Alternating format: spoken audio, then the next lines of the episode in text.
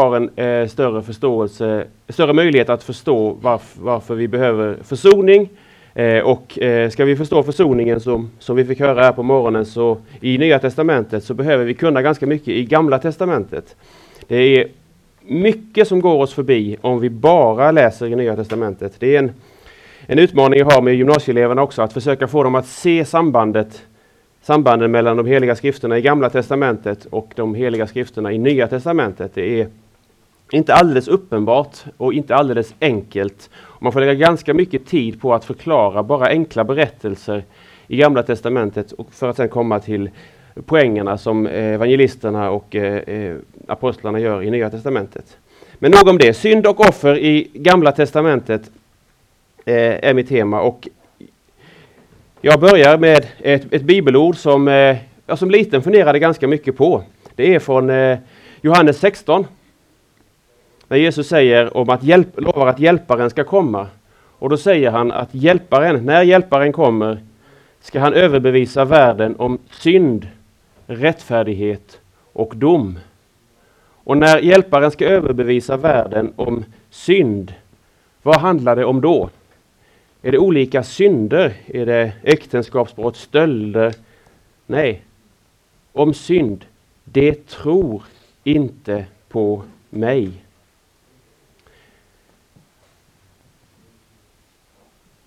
Det är från Johannes 16 18. Um, vad är synd? blir då frågan. Vad är synd?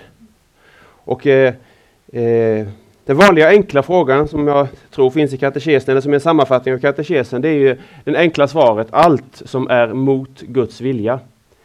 Det är synd som är emot Guds vilja. Det är ju eh, ganska mycket, tänker vi, ganska stort, svårgreppbart, inte så konkret. Man får börja bryta ner det i eh, konkreta befallningar, påbud, förbud eh, och annat för att förstå vad det egentligen innebär. Men det viktiga här, för i inledningen på det här föredraget, är att det inte bara handlar om det som vi i allmän religionskunskapsundervisning kallar för etik.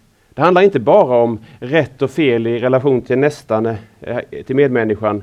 Det handlar i, i Bibeln också påfallande mycket om olydnad i, ja, man brukar säga på fackspråk, kultiska hänseenden. Alltså i fråga om gudstjänst, i fråga om hur man firar gudstjänst, hur man bär fram offer. Eh, Arons två äldsta söner till exempel dör ju i helgedomen för att de bär fram oren eld när de ska offra rökelseoffret där ute vid Sinai berg.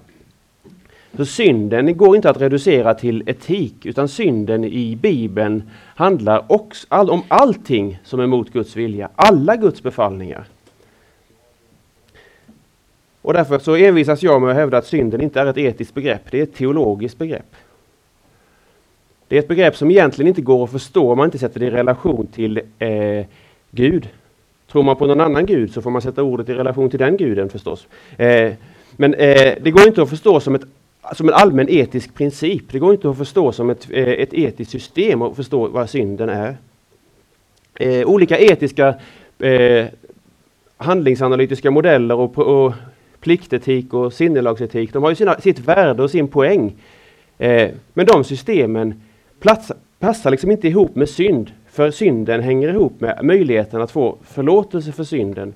Och de etiska systemen in, har, har i sig inte något inbyggt system. Hur får man förlåtelse enligt pliktetiken?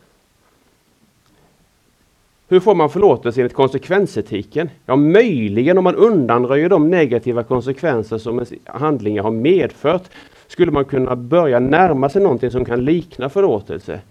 Eh, men det bygger ju också på att den förfördelade parten accepterar detta och då är man egentligen utanför eh, det etiska systemet. Eh, när Bibeln talar om synd, särskilt Gamla Testamentet, så talar Bibeln om det på lite olika sätt. Och det är det som jag tror också är en bakgrund till, eh, till den stora diskussionen i kyrkan om Anselm och eh, försoningsläran. Eh, när vi talar om försoningen så vill vi väldigt gärna ha en kortfattad och, och koncis definition av vad försoningen är. Men de tre aspekterna som man brukar tala om har ju sin bakgrund i att synden åtminstone har motsvarande tre aspekter i Bibeln. Bibeln talar om synden i termer av skuld. I termer av att man blir skuldsatt. Eh, att man blir eh, slav under någon. Och, eh, så det kommer vi tillbaka till. Därför kan man behöva bli friköpt från att vara skuldsatt.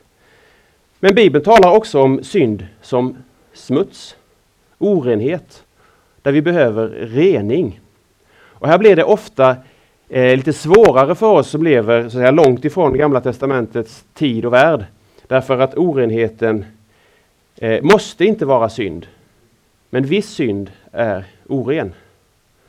Eh, och där vi då inte klarar av att hålla isär det riktigt eh, så eh, får vi svårt att hantera just synden som orenhet och reningen från synden i, i vissa hänseenden. Vi kommer också tillbaka till det tänker jag. Men Bibeln talar också om synd i vad jag skulle vilja säga som någonting som har med relation att göra. Synd är inte en, är något abstrakt eller någonting som är fel i största allmänhet. Utan det finns en relationell dimension i synden. Eh, synden väcker vrede. Synden innebär att man förstör eller överger relationer. Eh, man bryter sönder gemenskap. Eh, man vållar Gud arbete med sina synder. Olika sådana uttryck som, som är helt meningslösa om man inte har en relation till den som synden eller förbrytelsen eh, sker emot. Eh, det är ju inte det är samma sak mellan oss människor. Det är ju, synden är ju inte eh, oftast inte abstrakt. Det finns, ju, det finns ju tankesynder som kanske inte drabbar någon medmänniska. Men många av våra synder står ju direkt i relation till någon annan i Guds skapelse eller något annat. Och eftersom eh, eh, hebreiska är världens roligaste språk så måste vi ha lite språkundervisning också. Eh, om ni ska tala med änglarna i himlen så måste ni kunna lite hebreiska, tänker jag. Vi, har inte, eh, vi talar kanske på ett olika sätt på olika språk eh, eh, och har olika många ord för sam, för, eh, som eh, är synonymer eller nära besläktade med varandra i olika språk. Och I Gamla Testamentet så finns det otroligt många ord för att synda, att fela, att handla orättfärdigt, att vara ogudaktig. Många olika ord, så man kan, beror lite beroende på hur man räknar, så jag säger cirka, men åtminstone 26 ord kan man räkna som vi skulle kunna översätta med synd utan att det blir helt fel.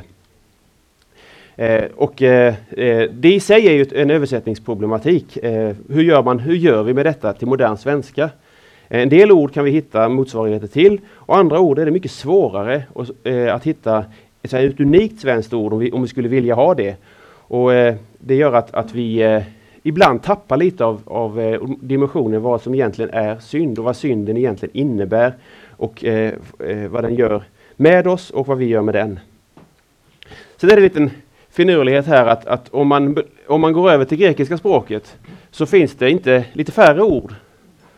Eh, i, eh, här är det, står det inte helt rätt ser jag nu, därför att detta är i Septuaginta och Nya Testamentet tillsammans.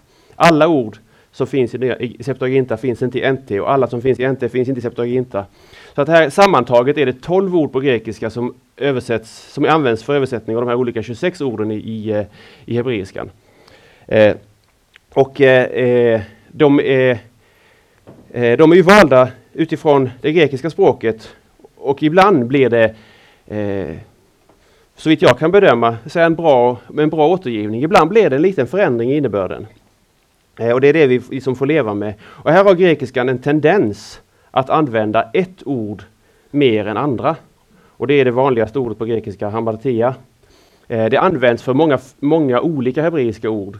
Eh, och det har, tror jag, också ställt till det lite grann i vår eh, förkunnelse och vår själavård. Det kommer vi också tillbaka till. Jag har, tänker här att om man tittar på de olika orden som finns så är det ord, om man har växt upp med 1917 så kan man känna igen åtminstone de här tre.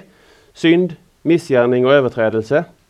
Det är de som finns i, eh, i eh, Saltaren 51. Men det finns också ord som ogudaktighet, orättfärdighet, skuld. Eh, och ytterligare många, många andra ord. Men jag tänkte här orenheten förstås. Eh, I första vändan här så är det, det är tre ord som är vanligare än alla andra. Det är tre ord som används mer än de andra orden i Gamla Testamentet. Och det är synd, chatat eller chet på hebreiska. Eh, det är överträdelse, eh, pesha. Och det är missgärning, avon. Och eh, eftersom de tre är de vanligaste så tänkte jag att vi skulle lägga eh, lite mer eh, fokus på dem eh, idag. Och eh, då har vi de här i Psaltaren 51. Utplåna mina överträdelser. Två mig ren från min missgärning och rena mig från min synd. Och har man då andra översättningar här så är det inte säkert att eh, man har återgett de här orden på samma sätt. Det här är 1917 års översättning där man eftersträvade lite mer av konkurrensprincip när det gäller sådana här teologiska nyckelord. Att man, man vill översätta hatat eller chet med synd, man vill alltid översätta missgärningen Eh, med avon och pesha med överträdelse. Så försöker man göra det liksom konsekvent så att man kan också på svenska följa hur, hur, eh, hur ett och samma ord används. Men det är, det är, inte alltid det blir bra och alltid det blir rätt. Därför att eh, en författare i eh, det gamla Israel kan använda ett ord på ett visst sätt och en annan kan använda ett annat ord för att eh, säga samma sak. Eh, och det som då är vanligaste ordet synd, eller inte det vanligaste, men det som är ordet synd, chatat, det är, används lite mindre av profeterna, där profeterna föredrar faktiskt ordet eh, överträdelse. Särskilt profeten Amos talar om överträdelserna som, som är eh, det som blir orsaken till att Israel straffas, orsaken till Israels avfall från, från Gud. Eh, och då tänkte jag bara vara lite, försöka vara lite pedagogisk här och rita upp det som, som eh, sådana här så kallade semantiska fält. Man tänker att eh, ord som är delvis synonyma kan i vissa fall helt bytas ut med varandra utan att betydelsen i satsen eller sammanhanget förändras. Medan andra gånger så är det så, eh, skillnad mellan ordens betydelse så att det inte går att byta ut dem. Och nu har jag inte gjort statistik här och vägt ihop hur stort överlappet ska vara. Utan det är poäng, principen här som jag är ute efter. Att det finns tillfällen där man i hebreiskan skulle kunna använt vilket som helst av de här avon, chatat och pesha, alltså synd, missgärning och överträdelse. Eh, utan att det blir någon skillnad. Men det finns också andra tillfällen där det inte skulle gå att byta ut det ena mot något av de andra. Eh, det, det blåa ordet är i avon, det är eh, eh, missgärningen. Eh, det gröna ordet chatat, det är synden och eh, det är, är det orange eller beige? Jag vet inte. Eh, är pesha, det som vi brukar översätta med överträdelse i, eh, i, eh, i 1917 års översättning. Frågan är det här med, jag pratade om att synden också har med en, en, relation att göra. Och här är vi inne på en, en dimension som direkt har eh, betydelse för hur vi förkunnar, hur vi utlägger försoningen.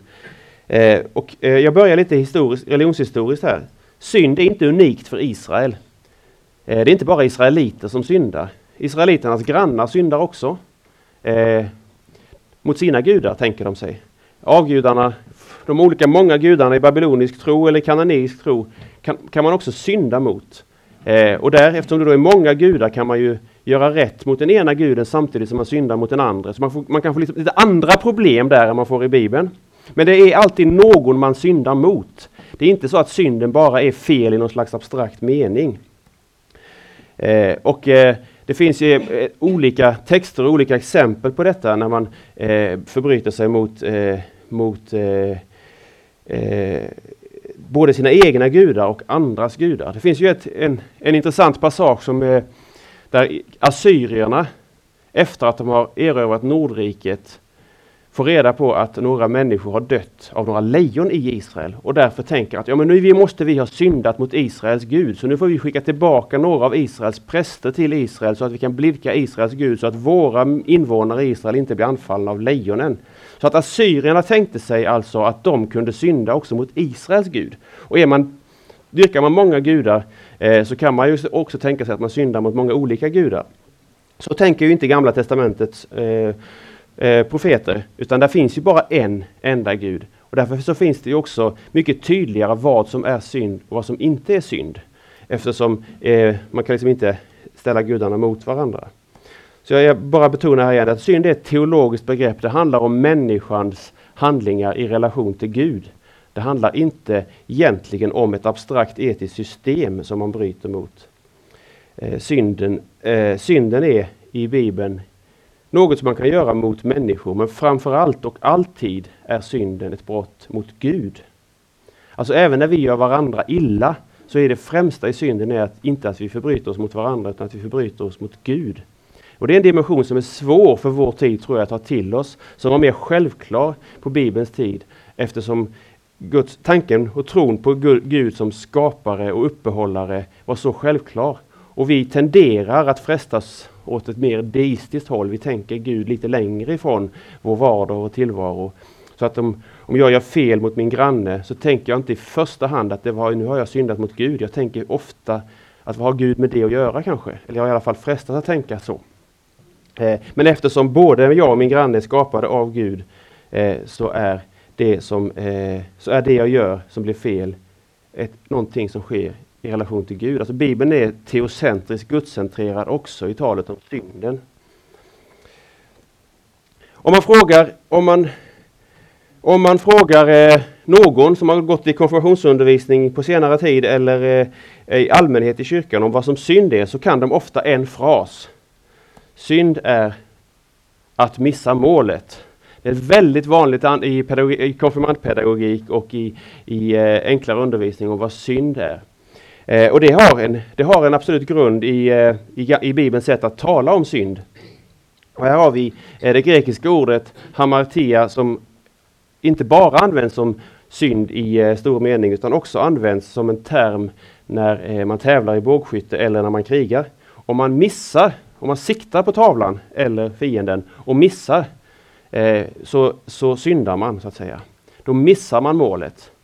Man kan också ta bilden av att om man ska ro över en flod och strömmen är stark så att man inte når bryggan utan man kommer i land 20 meter längre nerströms så har man också missat målet.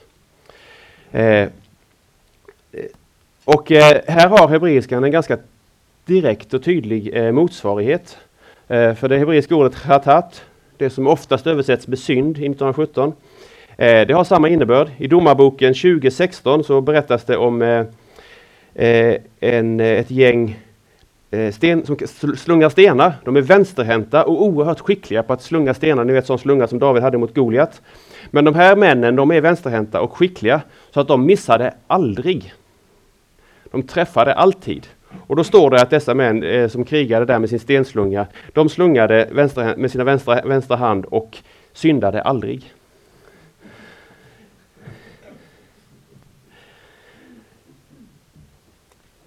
Och det här är, det är ganska populärt och det passar vår tids människosyn ganska bra.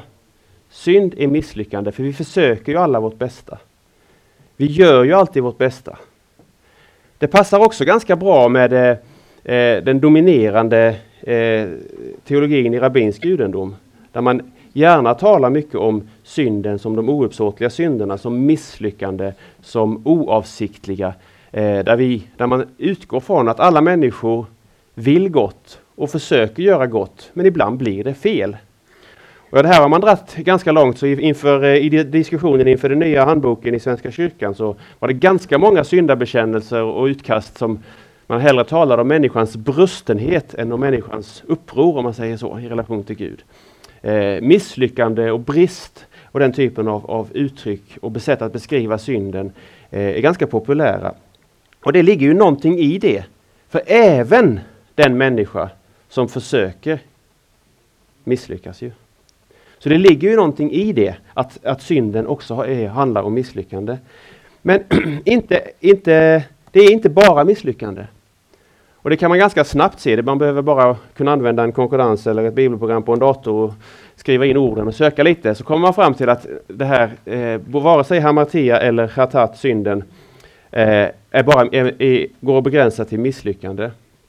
Och vi behöver inte läsa så länge i Bibeln heller. Vi kan börja läsa, läser vi från början så hittar vi inte ordet synd i berättelsen om syndafallet, men vi hittar det i kapitlet efter. Eh, när Kain har haft ihjäl sin bror Abel eh, så får han ett varningsord till sig. Märkligt ord om att synden ligger på lur ska inte gå in på, i, på i, i, långa stycken på vad det kan tänkas betyda. Men det viktigaste just nu och här, det är att detta som vi så ofta eh, reducerar till bara misslyckande, är alltså subjekt i en verbalsats. Nu talar jag grammatiska termer. Alltså. Detta misslyckande är orsak till en handling, alltså den gör någonting. Det är inte bara ett misslyckande, utan synden gör någonting. Synden ligger på lur. Som ett rovdjur som försöker eh, överraska eller haffa eh, ett, eh, ett, ro, ett, eh, något annat djur eller någonting som passerar förbi. Och, eh, där, så här kan man fortsätta. Det finns massor av exempel på, eh, på eh, khatat som synnerligen aktiva handlingar. Jag tänker bara att, eh, utif, eh, som också Robert hade uppe igår, eh, i Andra Mosebok eh, 32, när Mose är på berget, så eh, tröttnar folket på att vänta och gör sig en guldkalv som de då dansar inför eller leker inför. Och eh, den synden beskrivs just med ordet chatat och det står som en chatat gadol, en stor synd. Och i en mening så kan man ju tänka, att det är bara ett misslyckande. De misslyckades med att dyrka den enda sanne guden och råkade till, tillverka en guldkalv av sina smycken. Så, så visst är det ett misslyckande, men det är också en oerhört aktiv handling. Det är ju inte så att de bara snubblade över en avgud och råkade buga för den, utan här tillverkar de den och gör en fest och eh, dansar och leker. Så att även, även att missa målet kan vara eh, långt mer än ett misslyckande, om man säger så. Fortsätter med, eh, det stod i och för sig i mitt, i mitt ämne att det skulle vara synd och offer i Gamla Testamentet, men jag fuskar lite och ägnar mig åt utläggningshistorien. Paulus. Paulus använder hamartia, synden, på, på ett liknande sätt. Han talar inte bara om att synden är det som vi misslyckas med. Eh, utan Paulus talar om i Romarbrevet om att alla judar och greker står under syndens välde. Det är inte bara att missa målet, inte bara att misslyckas. När synden har makt, synden är som kung i ett rike. Och tar vi det lite mer på det personliga planet eh, så eh, talar Paulus om sin egen kamp. Eh, om det, att han gör det, det, som, det onda som han inte vill, det gör han och det goda som han vill, det gör han inte. Men om jag gör det jag inte vill, och så kommer det, då är det inte längre jag som gör det, utan synden, hamartia, som bor i mig. Återigen är synden ett subjekt. Synden bor i Paulus och synden gör någonting med Paulus. Och när synden gör någonting i med Paulus så syndar Paulus. Eh, så att eh, det har, det har ju sin pedagogiska poäng att, att framställa synden som misslyckande. Men man får inte stanna där. Eh, för att synden är så mycket mer än ett misslyckande. Och även om man begränsar det till de orden som kan betyda det, så är det mycket mer. Och går vi sedan vidare till de andra orden, så är det ännu mer. Men alla, innan det ska jag bara säga någonting om eh, eh detta var synden, att synden får konsekvenser. Eh, I eh, Mose lag så står det uttryckligen och upprepade gånger att det, den som syndar skall bära sin synd. Och då använder tredje Mosebok oftast här chatat, alltså synden i det 1917 års översättning. Man ska bära sin synd. Eh, och Det betyder ju då, i, i, om, man, om man läser sammanhangen, att, att, man, att den som har gjort någonting som är fel ska ta konsekvenserna av det som har blivit fel och ställa det till rätta. Det betyder, har man stulit ska man återgälda det man har stulit eh, och frambära sitt offer. Har man eh, eh, burit våld på någon annan Eh, så är man underställd konsekvensen att man ska drabbas av ett motsvarande våld i det egna fallet då. Har man, hugger man av en hand så ska man bli av med sin egen hand och så vidare. Den här principen som Gamla Testamentet eh, nästan alltid följer. Men det finns också en öppning för någonting annat. Eh, gärningsmannen, det är grundregeln, ska bära sin synd. Förövaren ska bära sin synd. Men det finns också en möjlighet för offret här, så nu talar jag om den som blir utsatt för brottet. Man kan använda offer i två meningar. Den som blir utsatt för ett brott, att den får bära synden. Och Då kommer vi in på någonting som, eh, på, som handlar om förlåtelsen. Och som jag tror det också är viktigt att vi förstår vad det egentligen innebär. Att förlåta någon, det är inte bara att eh, urskulda, utan att förlåta någon med bibliska termer, det är att bära den andres synd som har drabbat en. Om jag blir drabbad av något ont från min nästa och jag förlåter honom eller henne, så betyder det med biblisk terminologi att jag erkänner och, och eh, i den meningen dömer den andra. Det var en felaktig handling. Men jag väljer att, bä, jag väljer att som utsatt bära konsekvenserna av det så att den som har gjort det inte behöver bära konsekvenserna av det. Jag avstår från den rätten att, eh, eh, om det nu är i Gamla Testamentet, eh, vedergälla eller eh, utdöma, verkställa det straffet som lagen egentligen föreskriver. Alltså, alltså att bära synden, vi pratar om Guds lamm som bär synden, eh, så bär synden så tar man tar konsekvenserna av synden. Och så finns det den tredje möjligheten som jag inte eh, fick plats med här och som är central för den här helgen. Det är ju att i, i eh, det gamla testamentets offersystem, vi kommer lite grann tillbaka till det sen, så kan en tredje part bära synden. När vi kommer till själva offren så ska vi ta det. Så det är, finns en möjlighet till. Så att både den som är syndar och den som blir utsatt så att säga går fria. Det är om den tredje parten, om en tredje part bär synden. Det är om synden. Jag, jag har många slides här så jag ska inte fastna. Eh, om missgärningen då, säga någonting om den också. Hebreiskan har här avon. Jag har transkriberat här om någon vill eh, inte ha de hebreiska bokstäverna med sig. Det är ett av de vanligaste orden för synd och särskilt hos profeterna där använder man ordet avon ganska mycket. Eh, och Hebreiskan är ju, om man inte ska gå på djupet utan bara lära sig lite grann, så kan man, eh, ett av de första stegen att förstå, eh, det är att koppla samman verb och, och nomen, verb och substantiv. Och tar man eh, avon, som är det, har on-ändelsen, den abstrakta substantivändelsen, och eh, letar upp motsvarande verb, så är det ava. Och det verbet betyder böja eller kröka, eller vrida eller göra krokigt. Så det som är en missgärning, om vi använder då den gamla svenska eh, översättningen, är någonting som är böjt, någonting som är krökt, någonting som är vridet. Eh, och eh, jag är, har inte hittat belägg för det, men jag är ganska övertygad om att det är den här kopplingen som ligger bakom Martin Luthers berömda eh, formulering om människans syndafördärv som incurvatus in se. Därför mycket av Luthers syndalära, Luthers, Luthers teologi, den eh, utvecklar han just i relation till Psaltaren 51.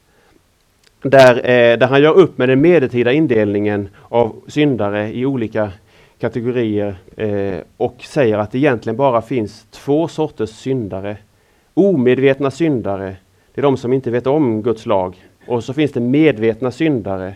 Det är de som har eh, blivit väckta och kommit till tro och inte längre vill synda men ändå gör det. Men de är medvetna om att de gör det. Så länge man lever utan Kristus så är man inte medveten om att man syndar under, utan Guds lag och eh, så.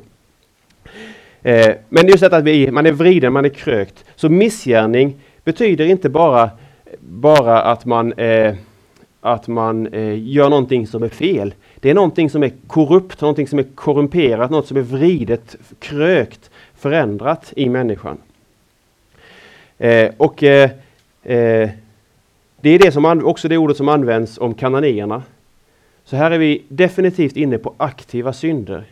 Det här är, eh, I den rabbinska judendomen så använder man eh, just detta ord för eh, aktiva synder, medvetna synder, synder med upplyft hand som Bibeln uttrycker det.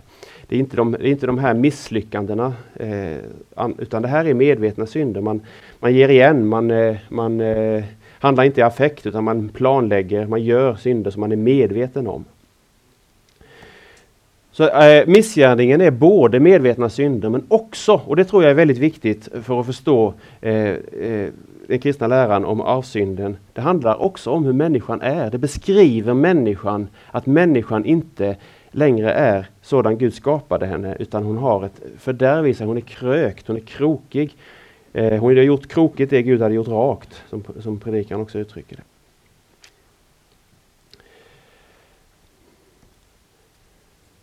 Avon kan också användas, inte bara om så att säga, handlingen och tillståndet, utan också om konsekvensen av eh, gärningen.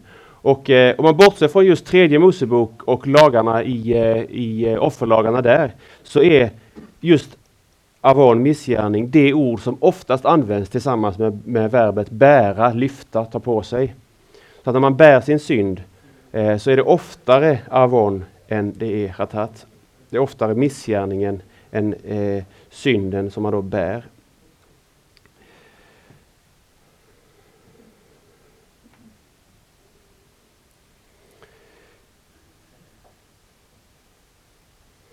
Det tredje ordet av de vanligaste, det är pesha.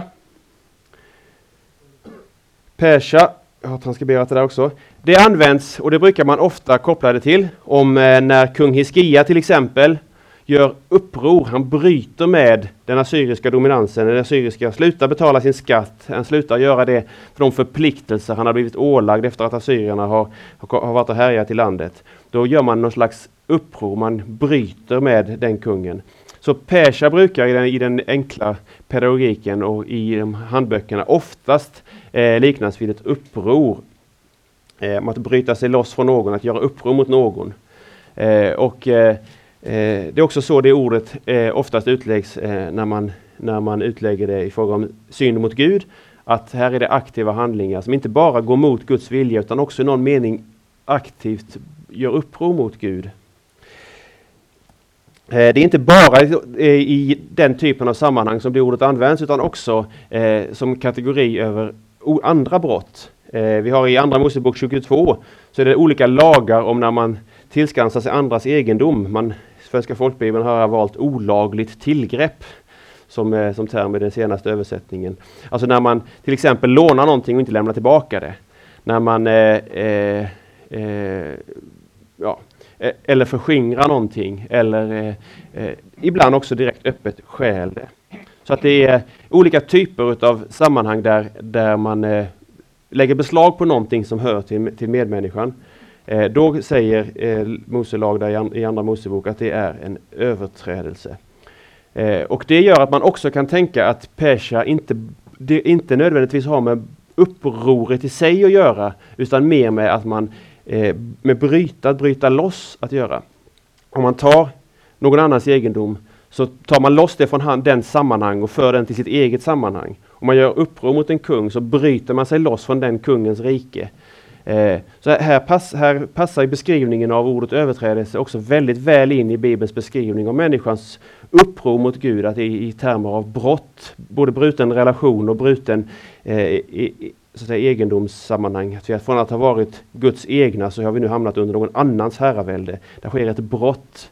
Eh, så, så eh, hur tydligt själva upprorsmomentet är i det här ordet har jag inte riktigt landat i. Jag har grubblat fram och tillbaka sista veckan men jag vet inte riktigt vad. Men det, det, det är ändå inte, det är långt ifrån misslyckande handling utan det här är saker som är aktiva handlingar, saker som man gör som är fel.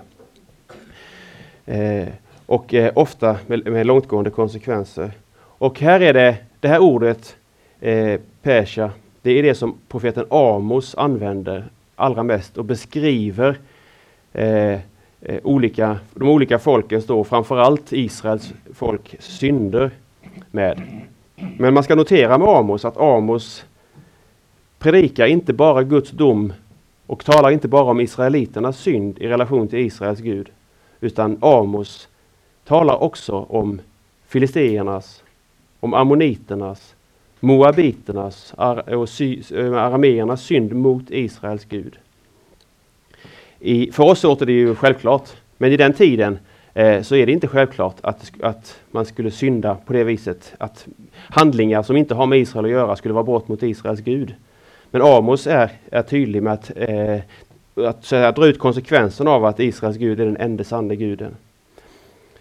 Eh, men det är ju Israel det är ju Israels folk som eh, han går hårdast till rätta med och som han talar mest om och deras olika synder. Eh, deras eh, peshaim då. Synden är i Bibeln, sa jag, ett teologiskt begrepp. Och Bibeln återvänder till det och talar ofta, ja egentligen alltid om synden som någonting som sker inför Gud. Därför, och det kommer vi, nu är jag inne på ditt ämne Timo här, men eh, Tredje Mosebok 16 kan man inte gå förbi när man talar om synd och offer i Gamla Testamentet.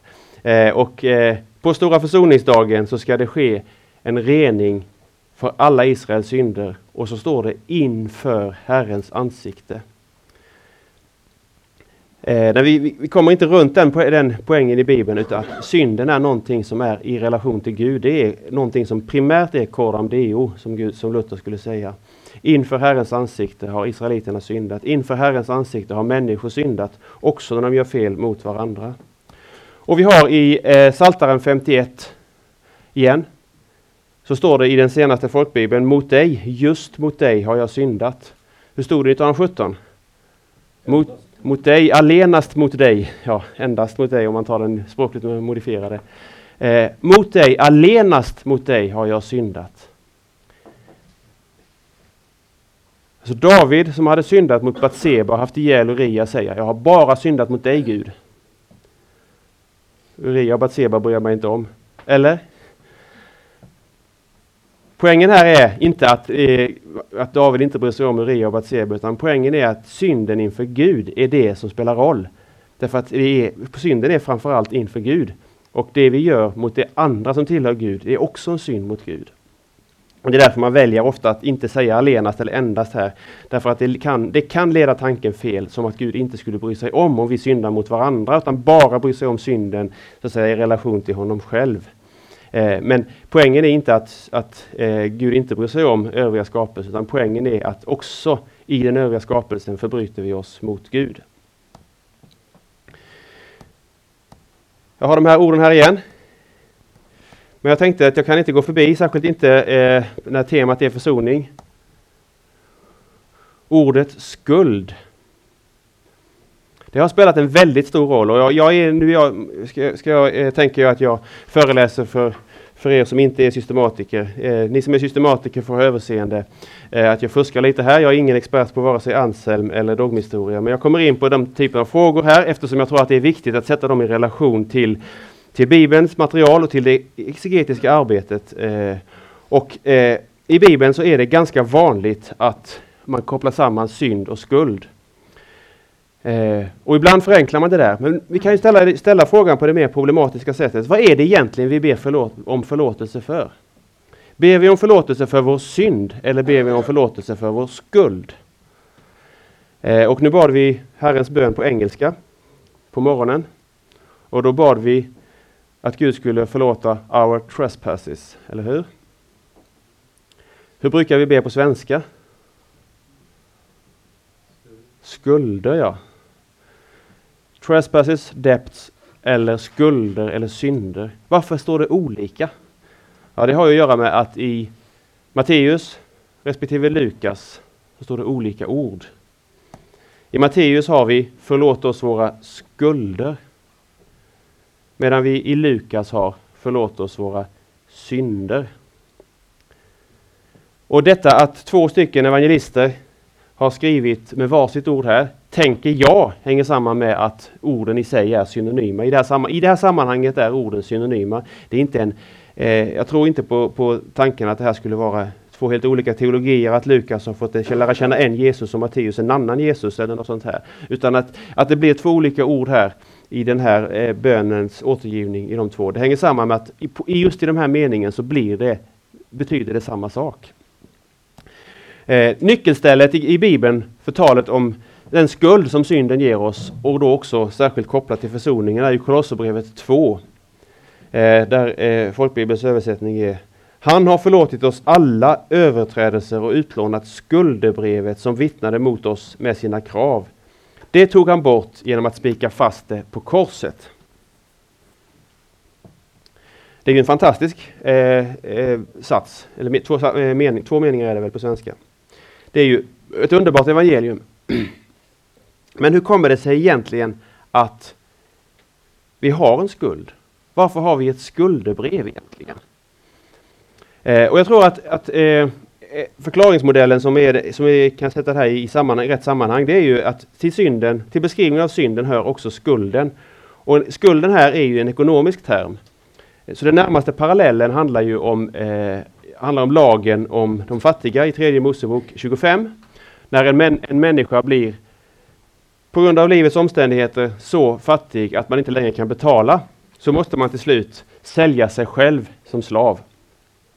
Man blir alltså skuldsatt eh, så att man inte kan betala och då är lösningen att själv bli slav så att man kan betala med de pengarna som man då får för sitt egenvärde, om man ska uttrycka det. Och sen som slav så arbetar man då för, för eh, mat och uppehälle hos någon. Eh, och så tänker Bibeln, eller så uttrycker Bibeln också det att vi människor eh, står i skuld. Vi tillhör, vi är skapade av Gud och tillhör egentligen Gud. Men vi, är, vi har hamnat i en skuld så att vi inte längre är Guds tjänare utan vi har kommit i, under någon annan. Vi står, har hamnat i skuld så att vi inte längre är fria Guds tjänare utan vi har blivit sålda som syndens slavar. Eh, och eh, ser man eh, på detta i, eh, i eh, antiken, forntiden och antiken så, eh, och tidig medeltid så är det faktiskt den dominerande bilden särskilt i östra delarna av, eh, alltså östra, östra delarna av eh, den då kända världen, alltså Öster och Medelhavet. Framförallt. Eh, det är den dominerande bilden av synden och försoningen. Det finns eh, ganska målande utläggningar av, av eh, hur Jesu död är ett pris som betalas till, vår, till, människans, till den människan har sålt sig till. Alltså att djävulen får betalning från Gud genom Jesu blod så att människan blir fri igen från den slaveri hon har hamnat i. Jag tror att ni ganska snabbt, eh, man tänker så här då att genom Adams och Evas synd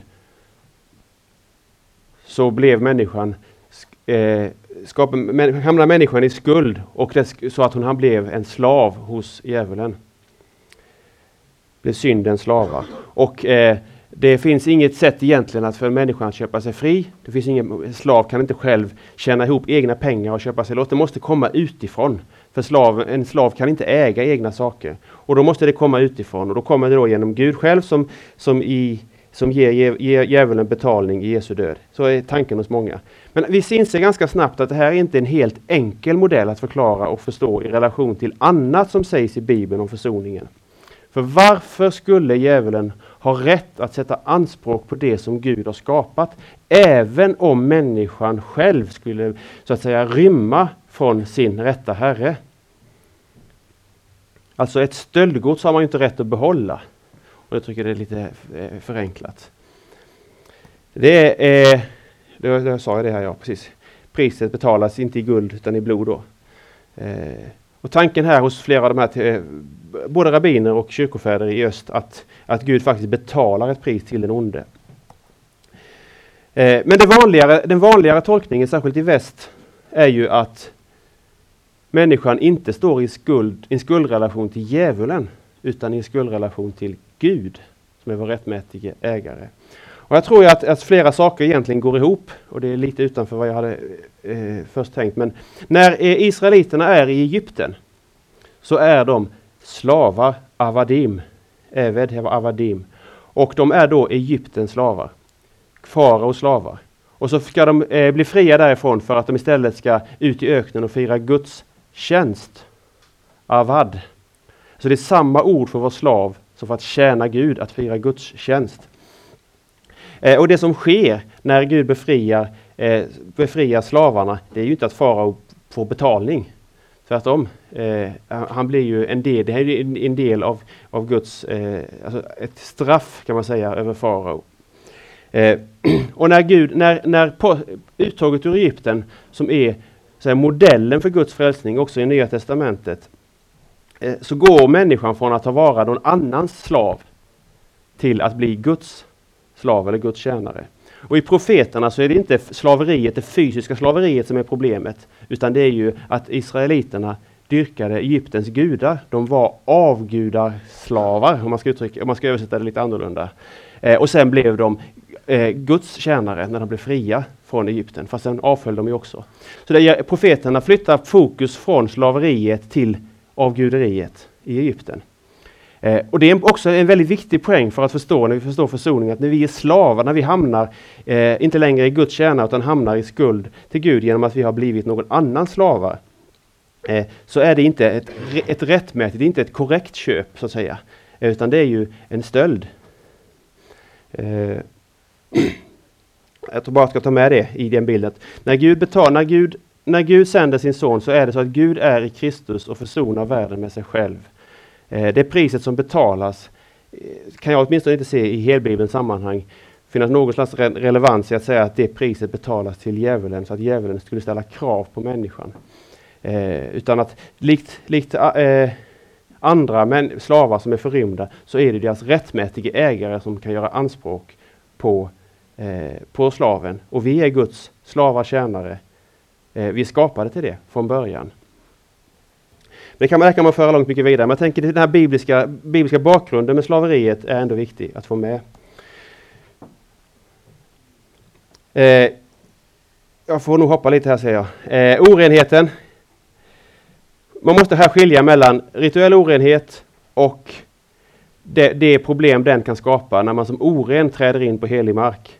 Att oren komma till templet, det är en syndig handling. Att vara oren är i sig inte syndigt. Men orenheten kan också kopplas till, till eh, själva synden. Jag, eh, jag är ren och utan synd, bedyrar Jobb. Jag är fläckfri och utan skuld. Så ibland är orenheten ett uttryck för synden. Men det är när de här, eftersom de här båda finns så är det viktigt att eh, förstå när det är så att säga den ceremoniallagens orenhet och när det är ett verkligt syndaproblem. Eh, syndens fläckar talar Jeremia om eh, och, och så vidare. Eh, varför offrar man då? Jag har tre, tre favoritställen. De tre viktigaste offertexterna i Gamla Testamentet har mina studenter hört många gånger som har varit här. Tre viktigaste bibelställena vad gäller offer, det är inte i tredje Mosebok någon av dem. De finns alla i första Mosebok. När Kain offrar och Abel offrar så offrar Kain något av det han har odlat. Abel offrar det förstfödda och det feta. Redan där så finns grundprincipen så som, så som Torah fungerar med lagar som föreskriver och berättelser som illustrerar. Redan där finns principen att offret, till offer kan man inte offra något, man ska offra det första och det bästa. Den andra offertexten som sätter agendan för alla offer eh, är när Noa kommer ut ur arken och eh, han offrar ett brännoffer och det är, blir en välbehaglig doft inför Gud och Gud sedan lovar att aldrig mer sända en översvämning. Den här välbehagliga doften inför Gud, den är viktig. För varje brännoffer, varje offer som bränns är, skapar den här doften som eh, stiger upp till Gud. Och den tredje viktiga offertexten i första Mosebok, det är Akedat Yitzrak, alltså när Abraham sätts på prov och ska offra Isak. Eh, och när han höjer kniven för att offra Isak så, lyft, så kommer ängeln och Abraham lyfter sina ögon och får se en bagge som har, som har fastnat i ett snår som offras i stället för Isak. Eh, och det här är en sån här klassisk eh, diskussionspunkt inom exegetiken. Det, det, står ju inte uttryckligen i lagtexterna om offren att offren offras istället för syndaren. Eh, men eh, läser, man, läser man Torah som en helhet, läser man Fem Moseböcker som en helhet och ser hur offren förklaras och, in, och eh, introduceras i Första Mosebok, så är offret av Isak, Abrahams offer av Isak, en text som man inte kan gå förbi. Och där kommer det allra tydligast till uttryck att offret är eh, ställföreträdande.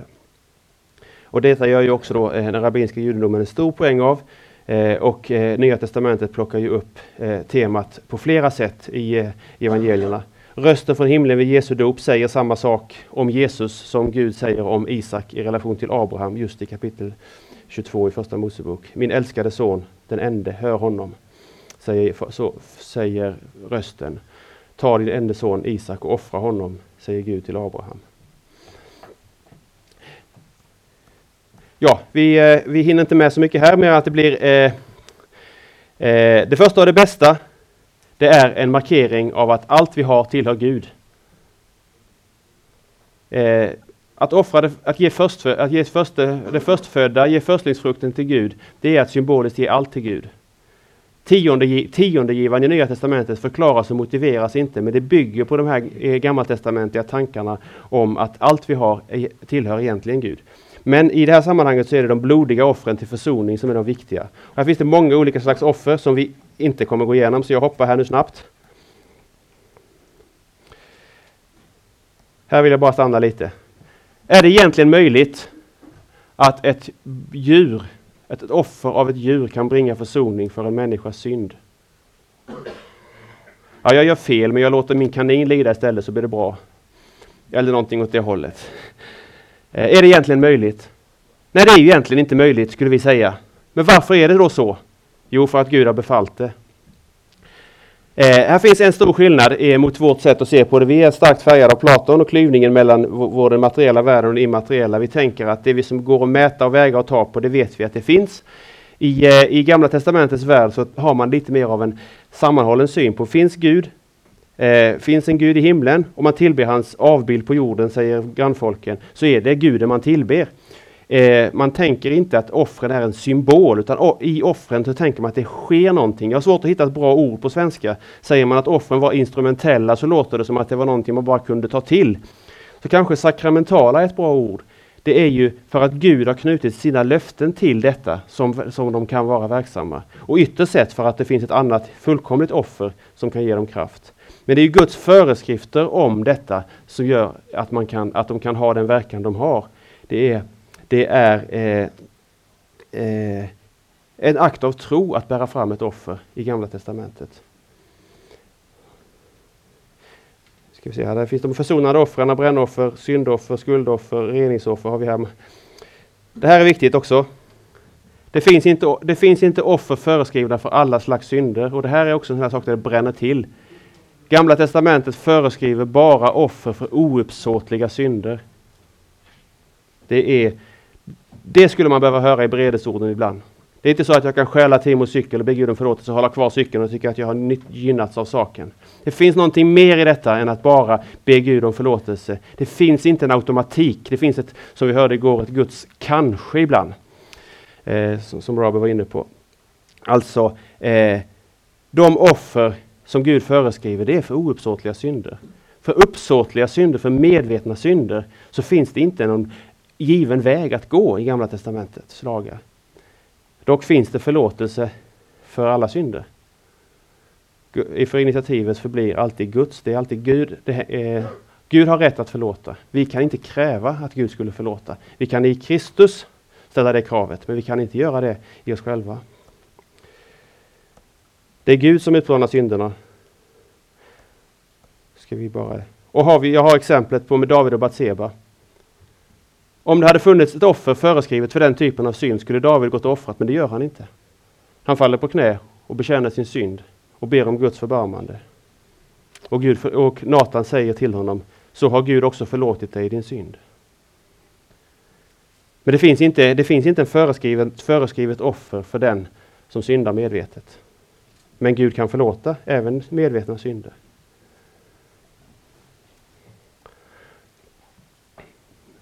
Fick vi rusa här lite grann. Men jag tänker att det här med alla offren i Gamla Testamentet, alla dessa synder, eh, det pekar ju framåt. Och i Sakarja 3.9 så finns det ett oerhört löfte. Se över den sten som jag lagt inför Josua, han var överstepräst. Över denna sten vaka sju ögon och se, jag ska gravera in en inskrift på den, säger Herren Sebaot. Och jag ska utplåna detta lands missgärning på en enda dag. Alla dagliga offer, alla årliga offer, alla offer eh, som återkommande bars fram. Här finns en lösning. Detta ska lösas på en enda dag. Tack för mig. Tack för att ni lyssnar så tålmodigt.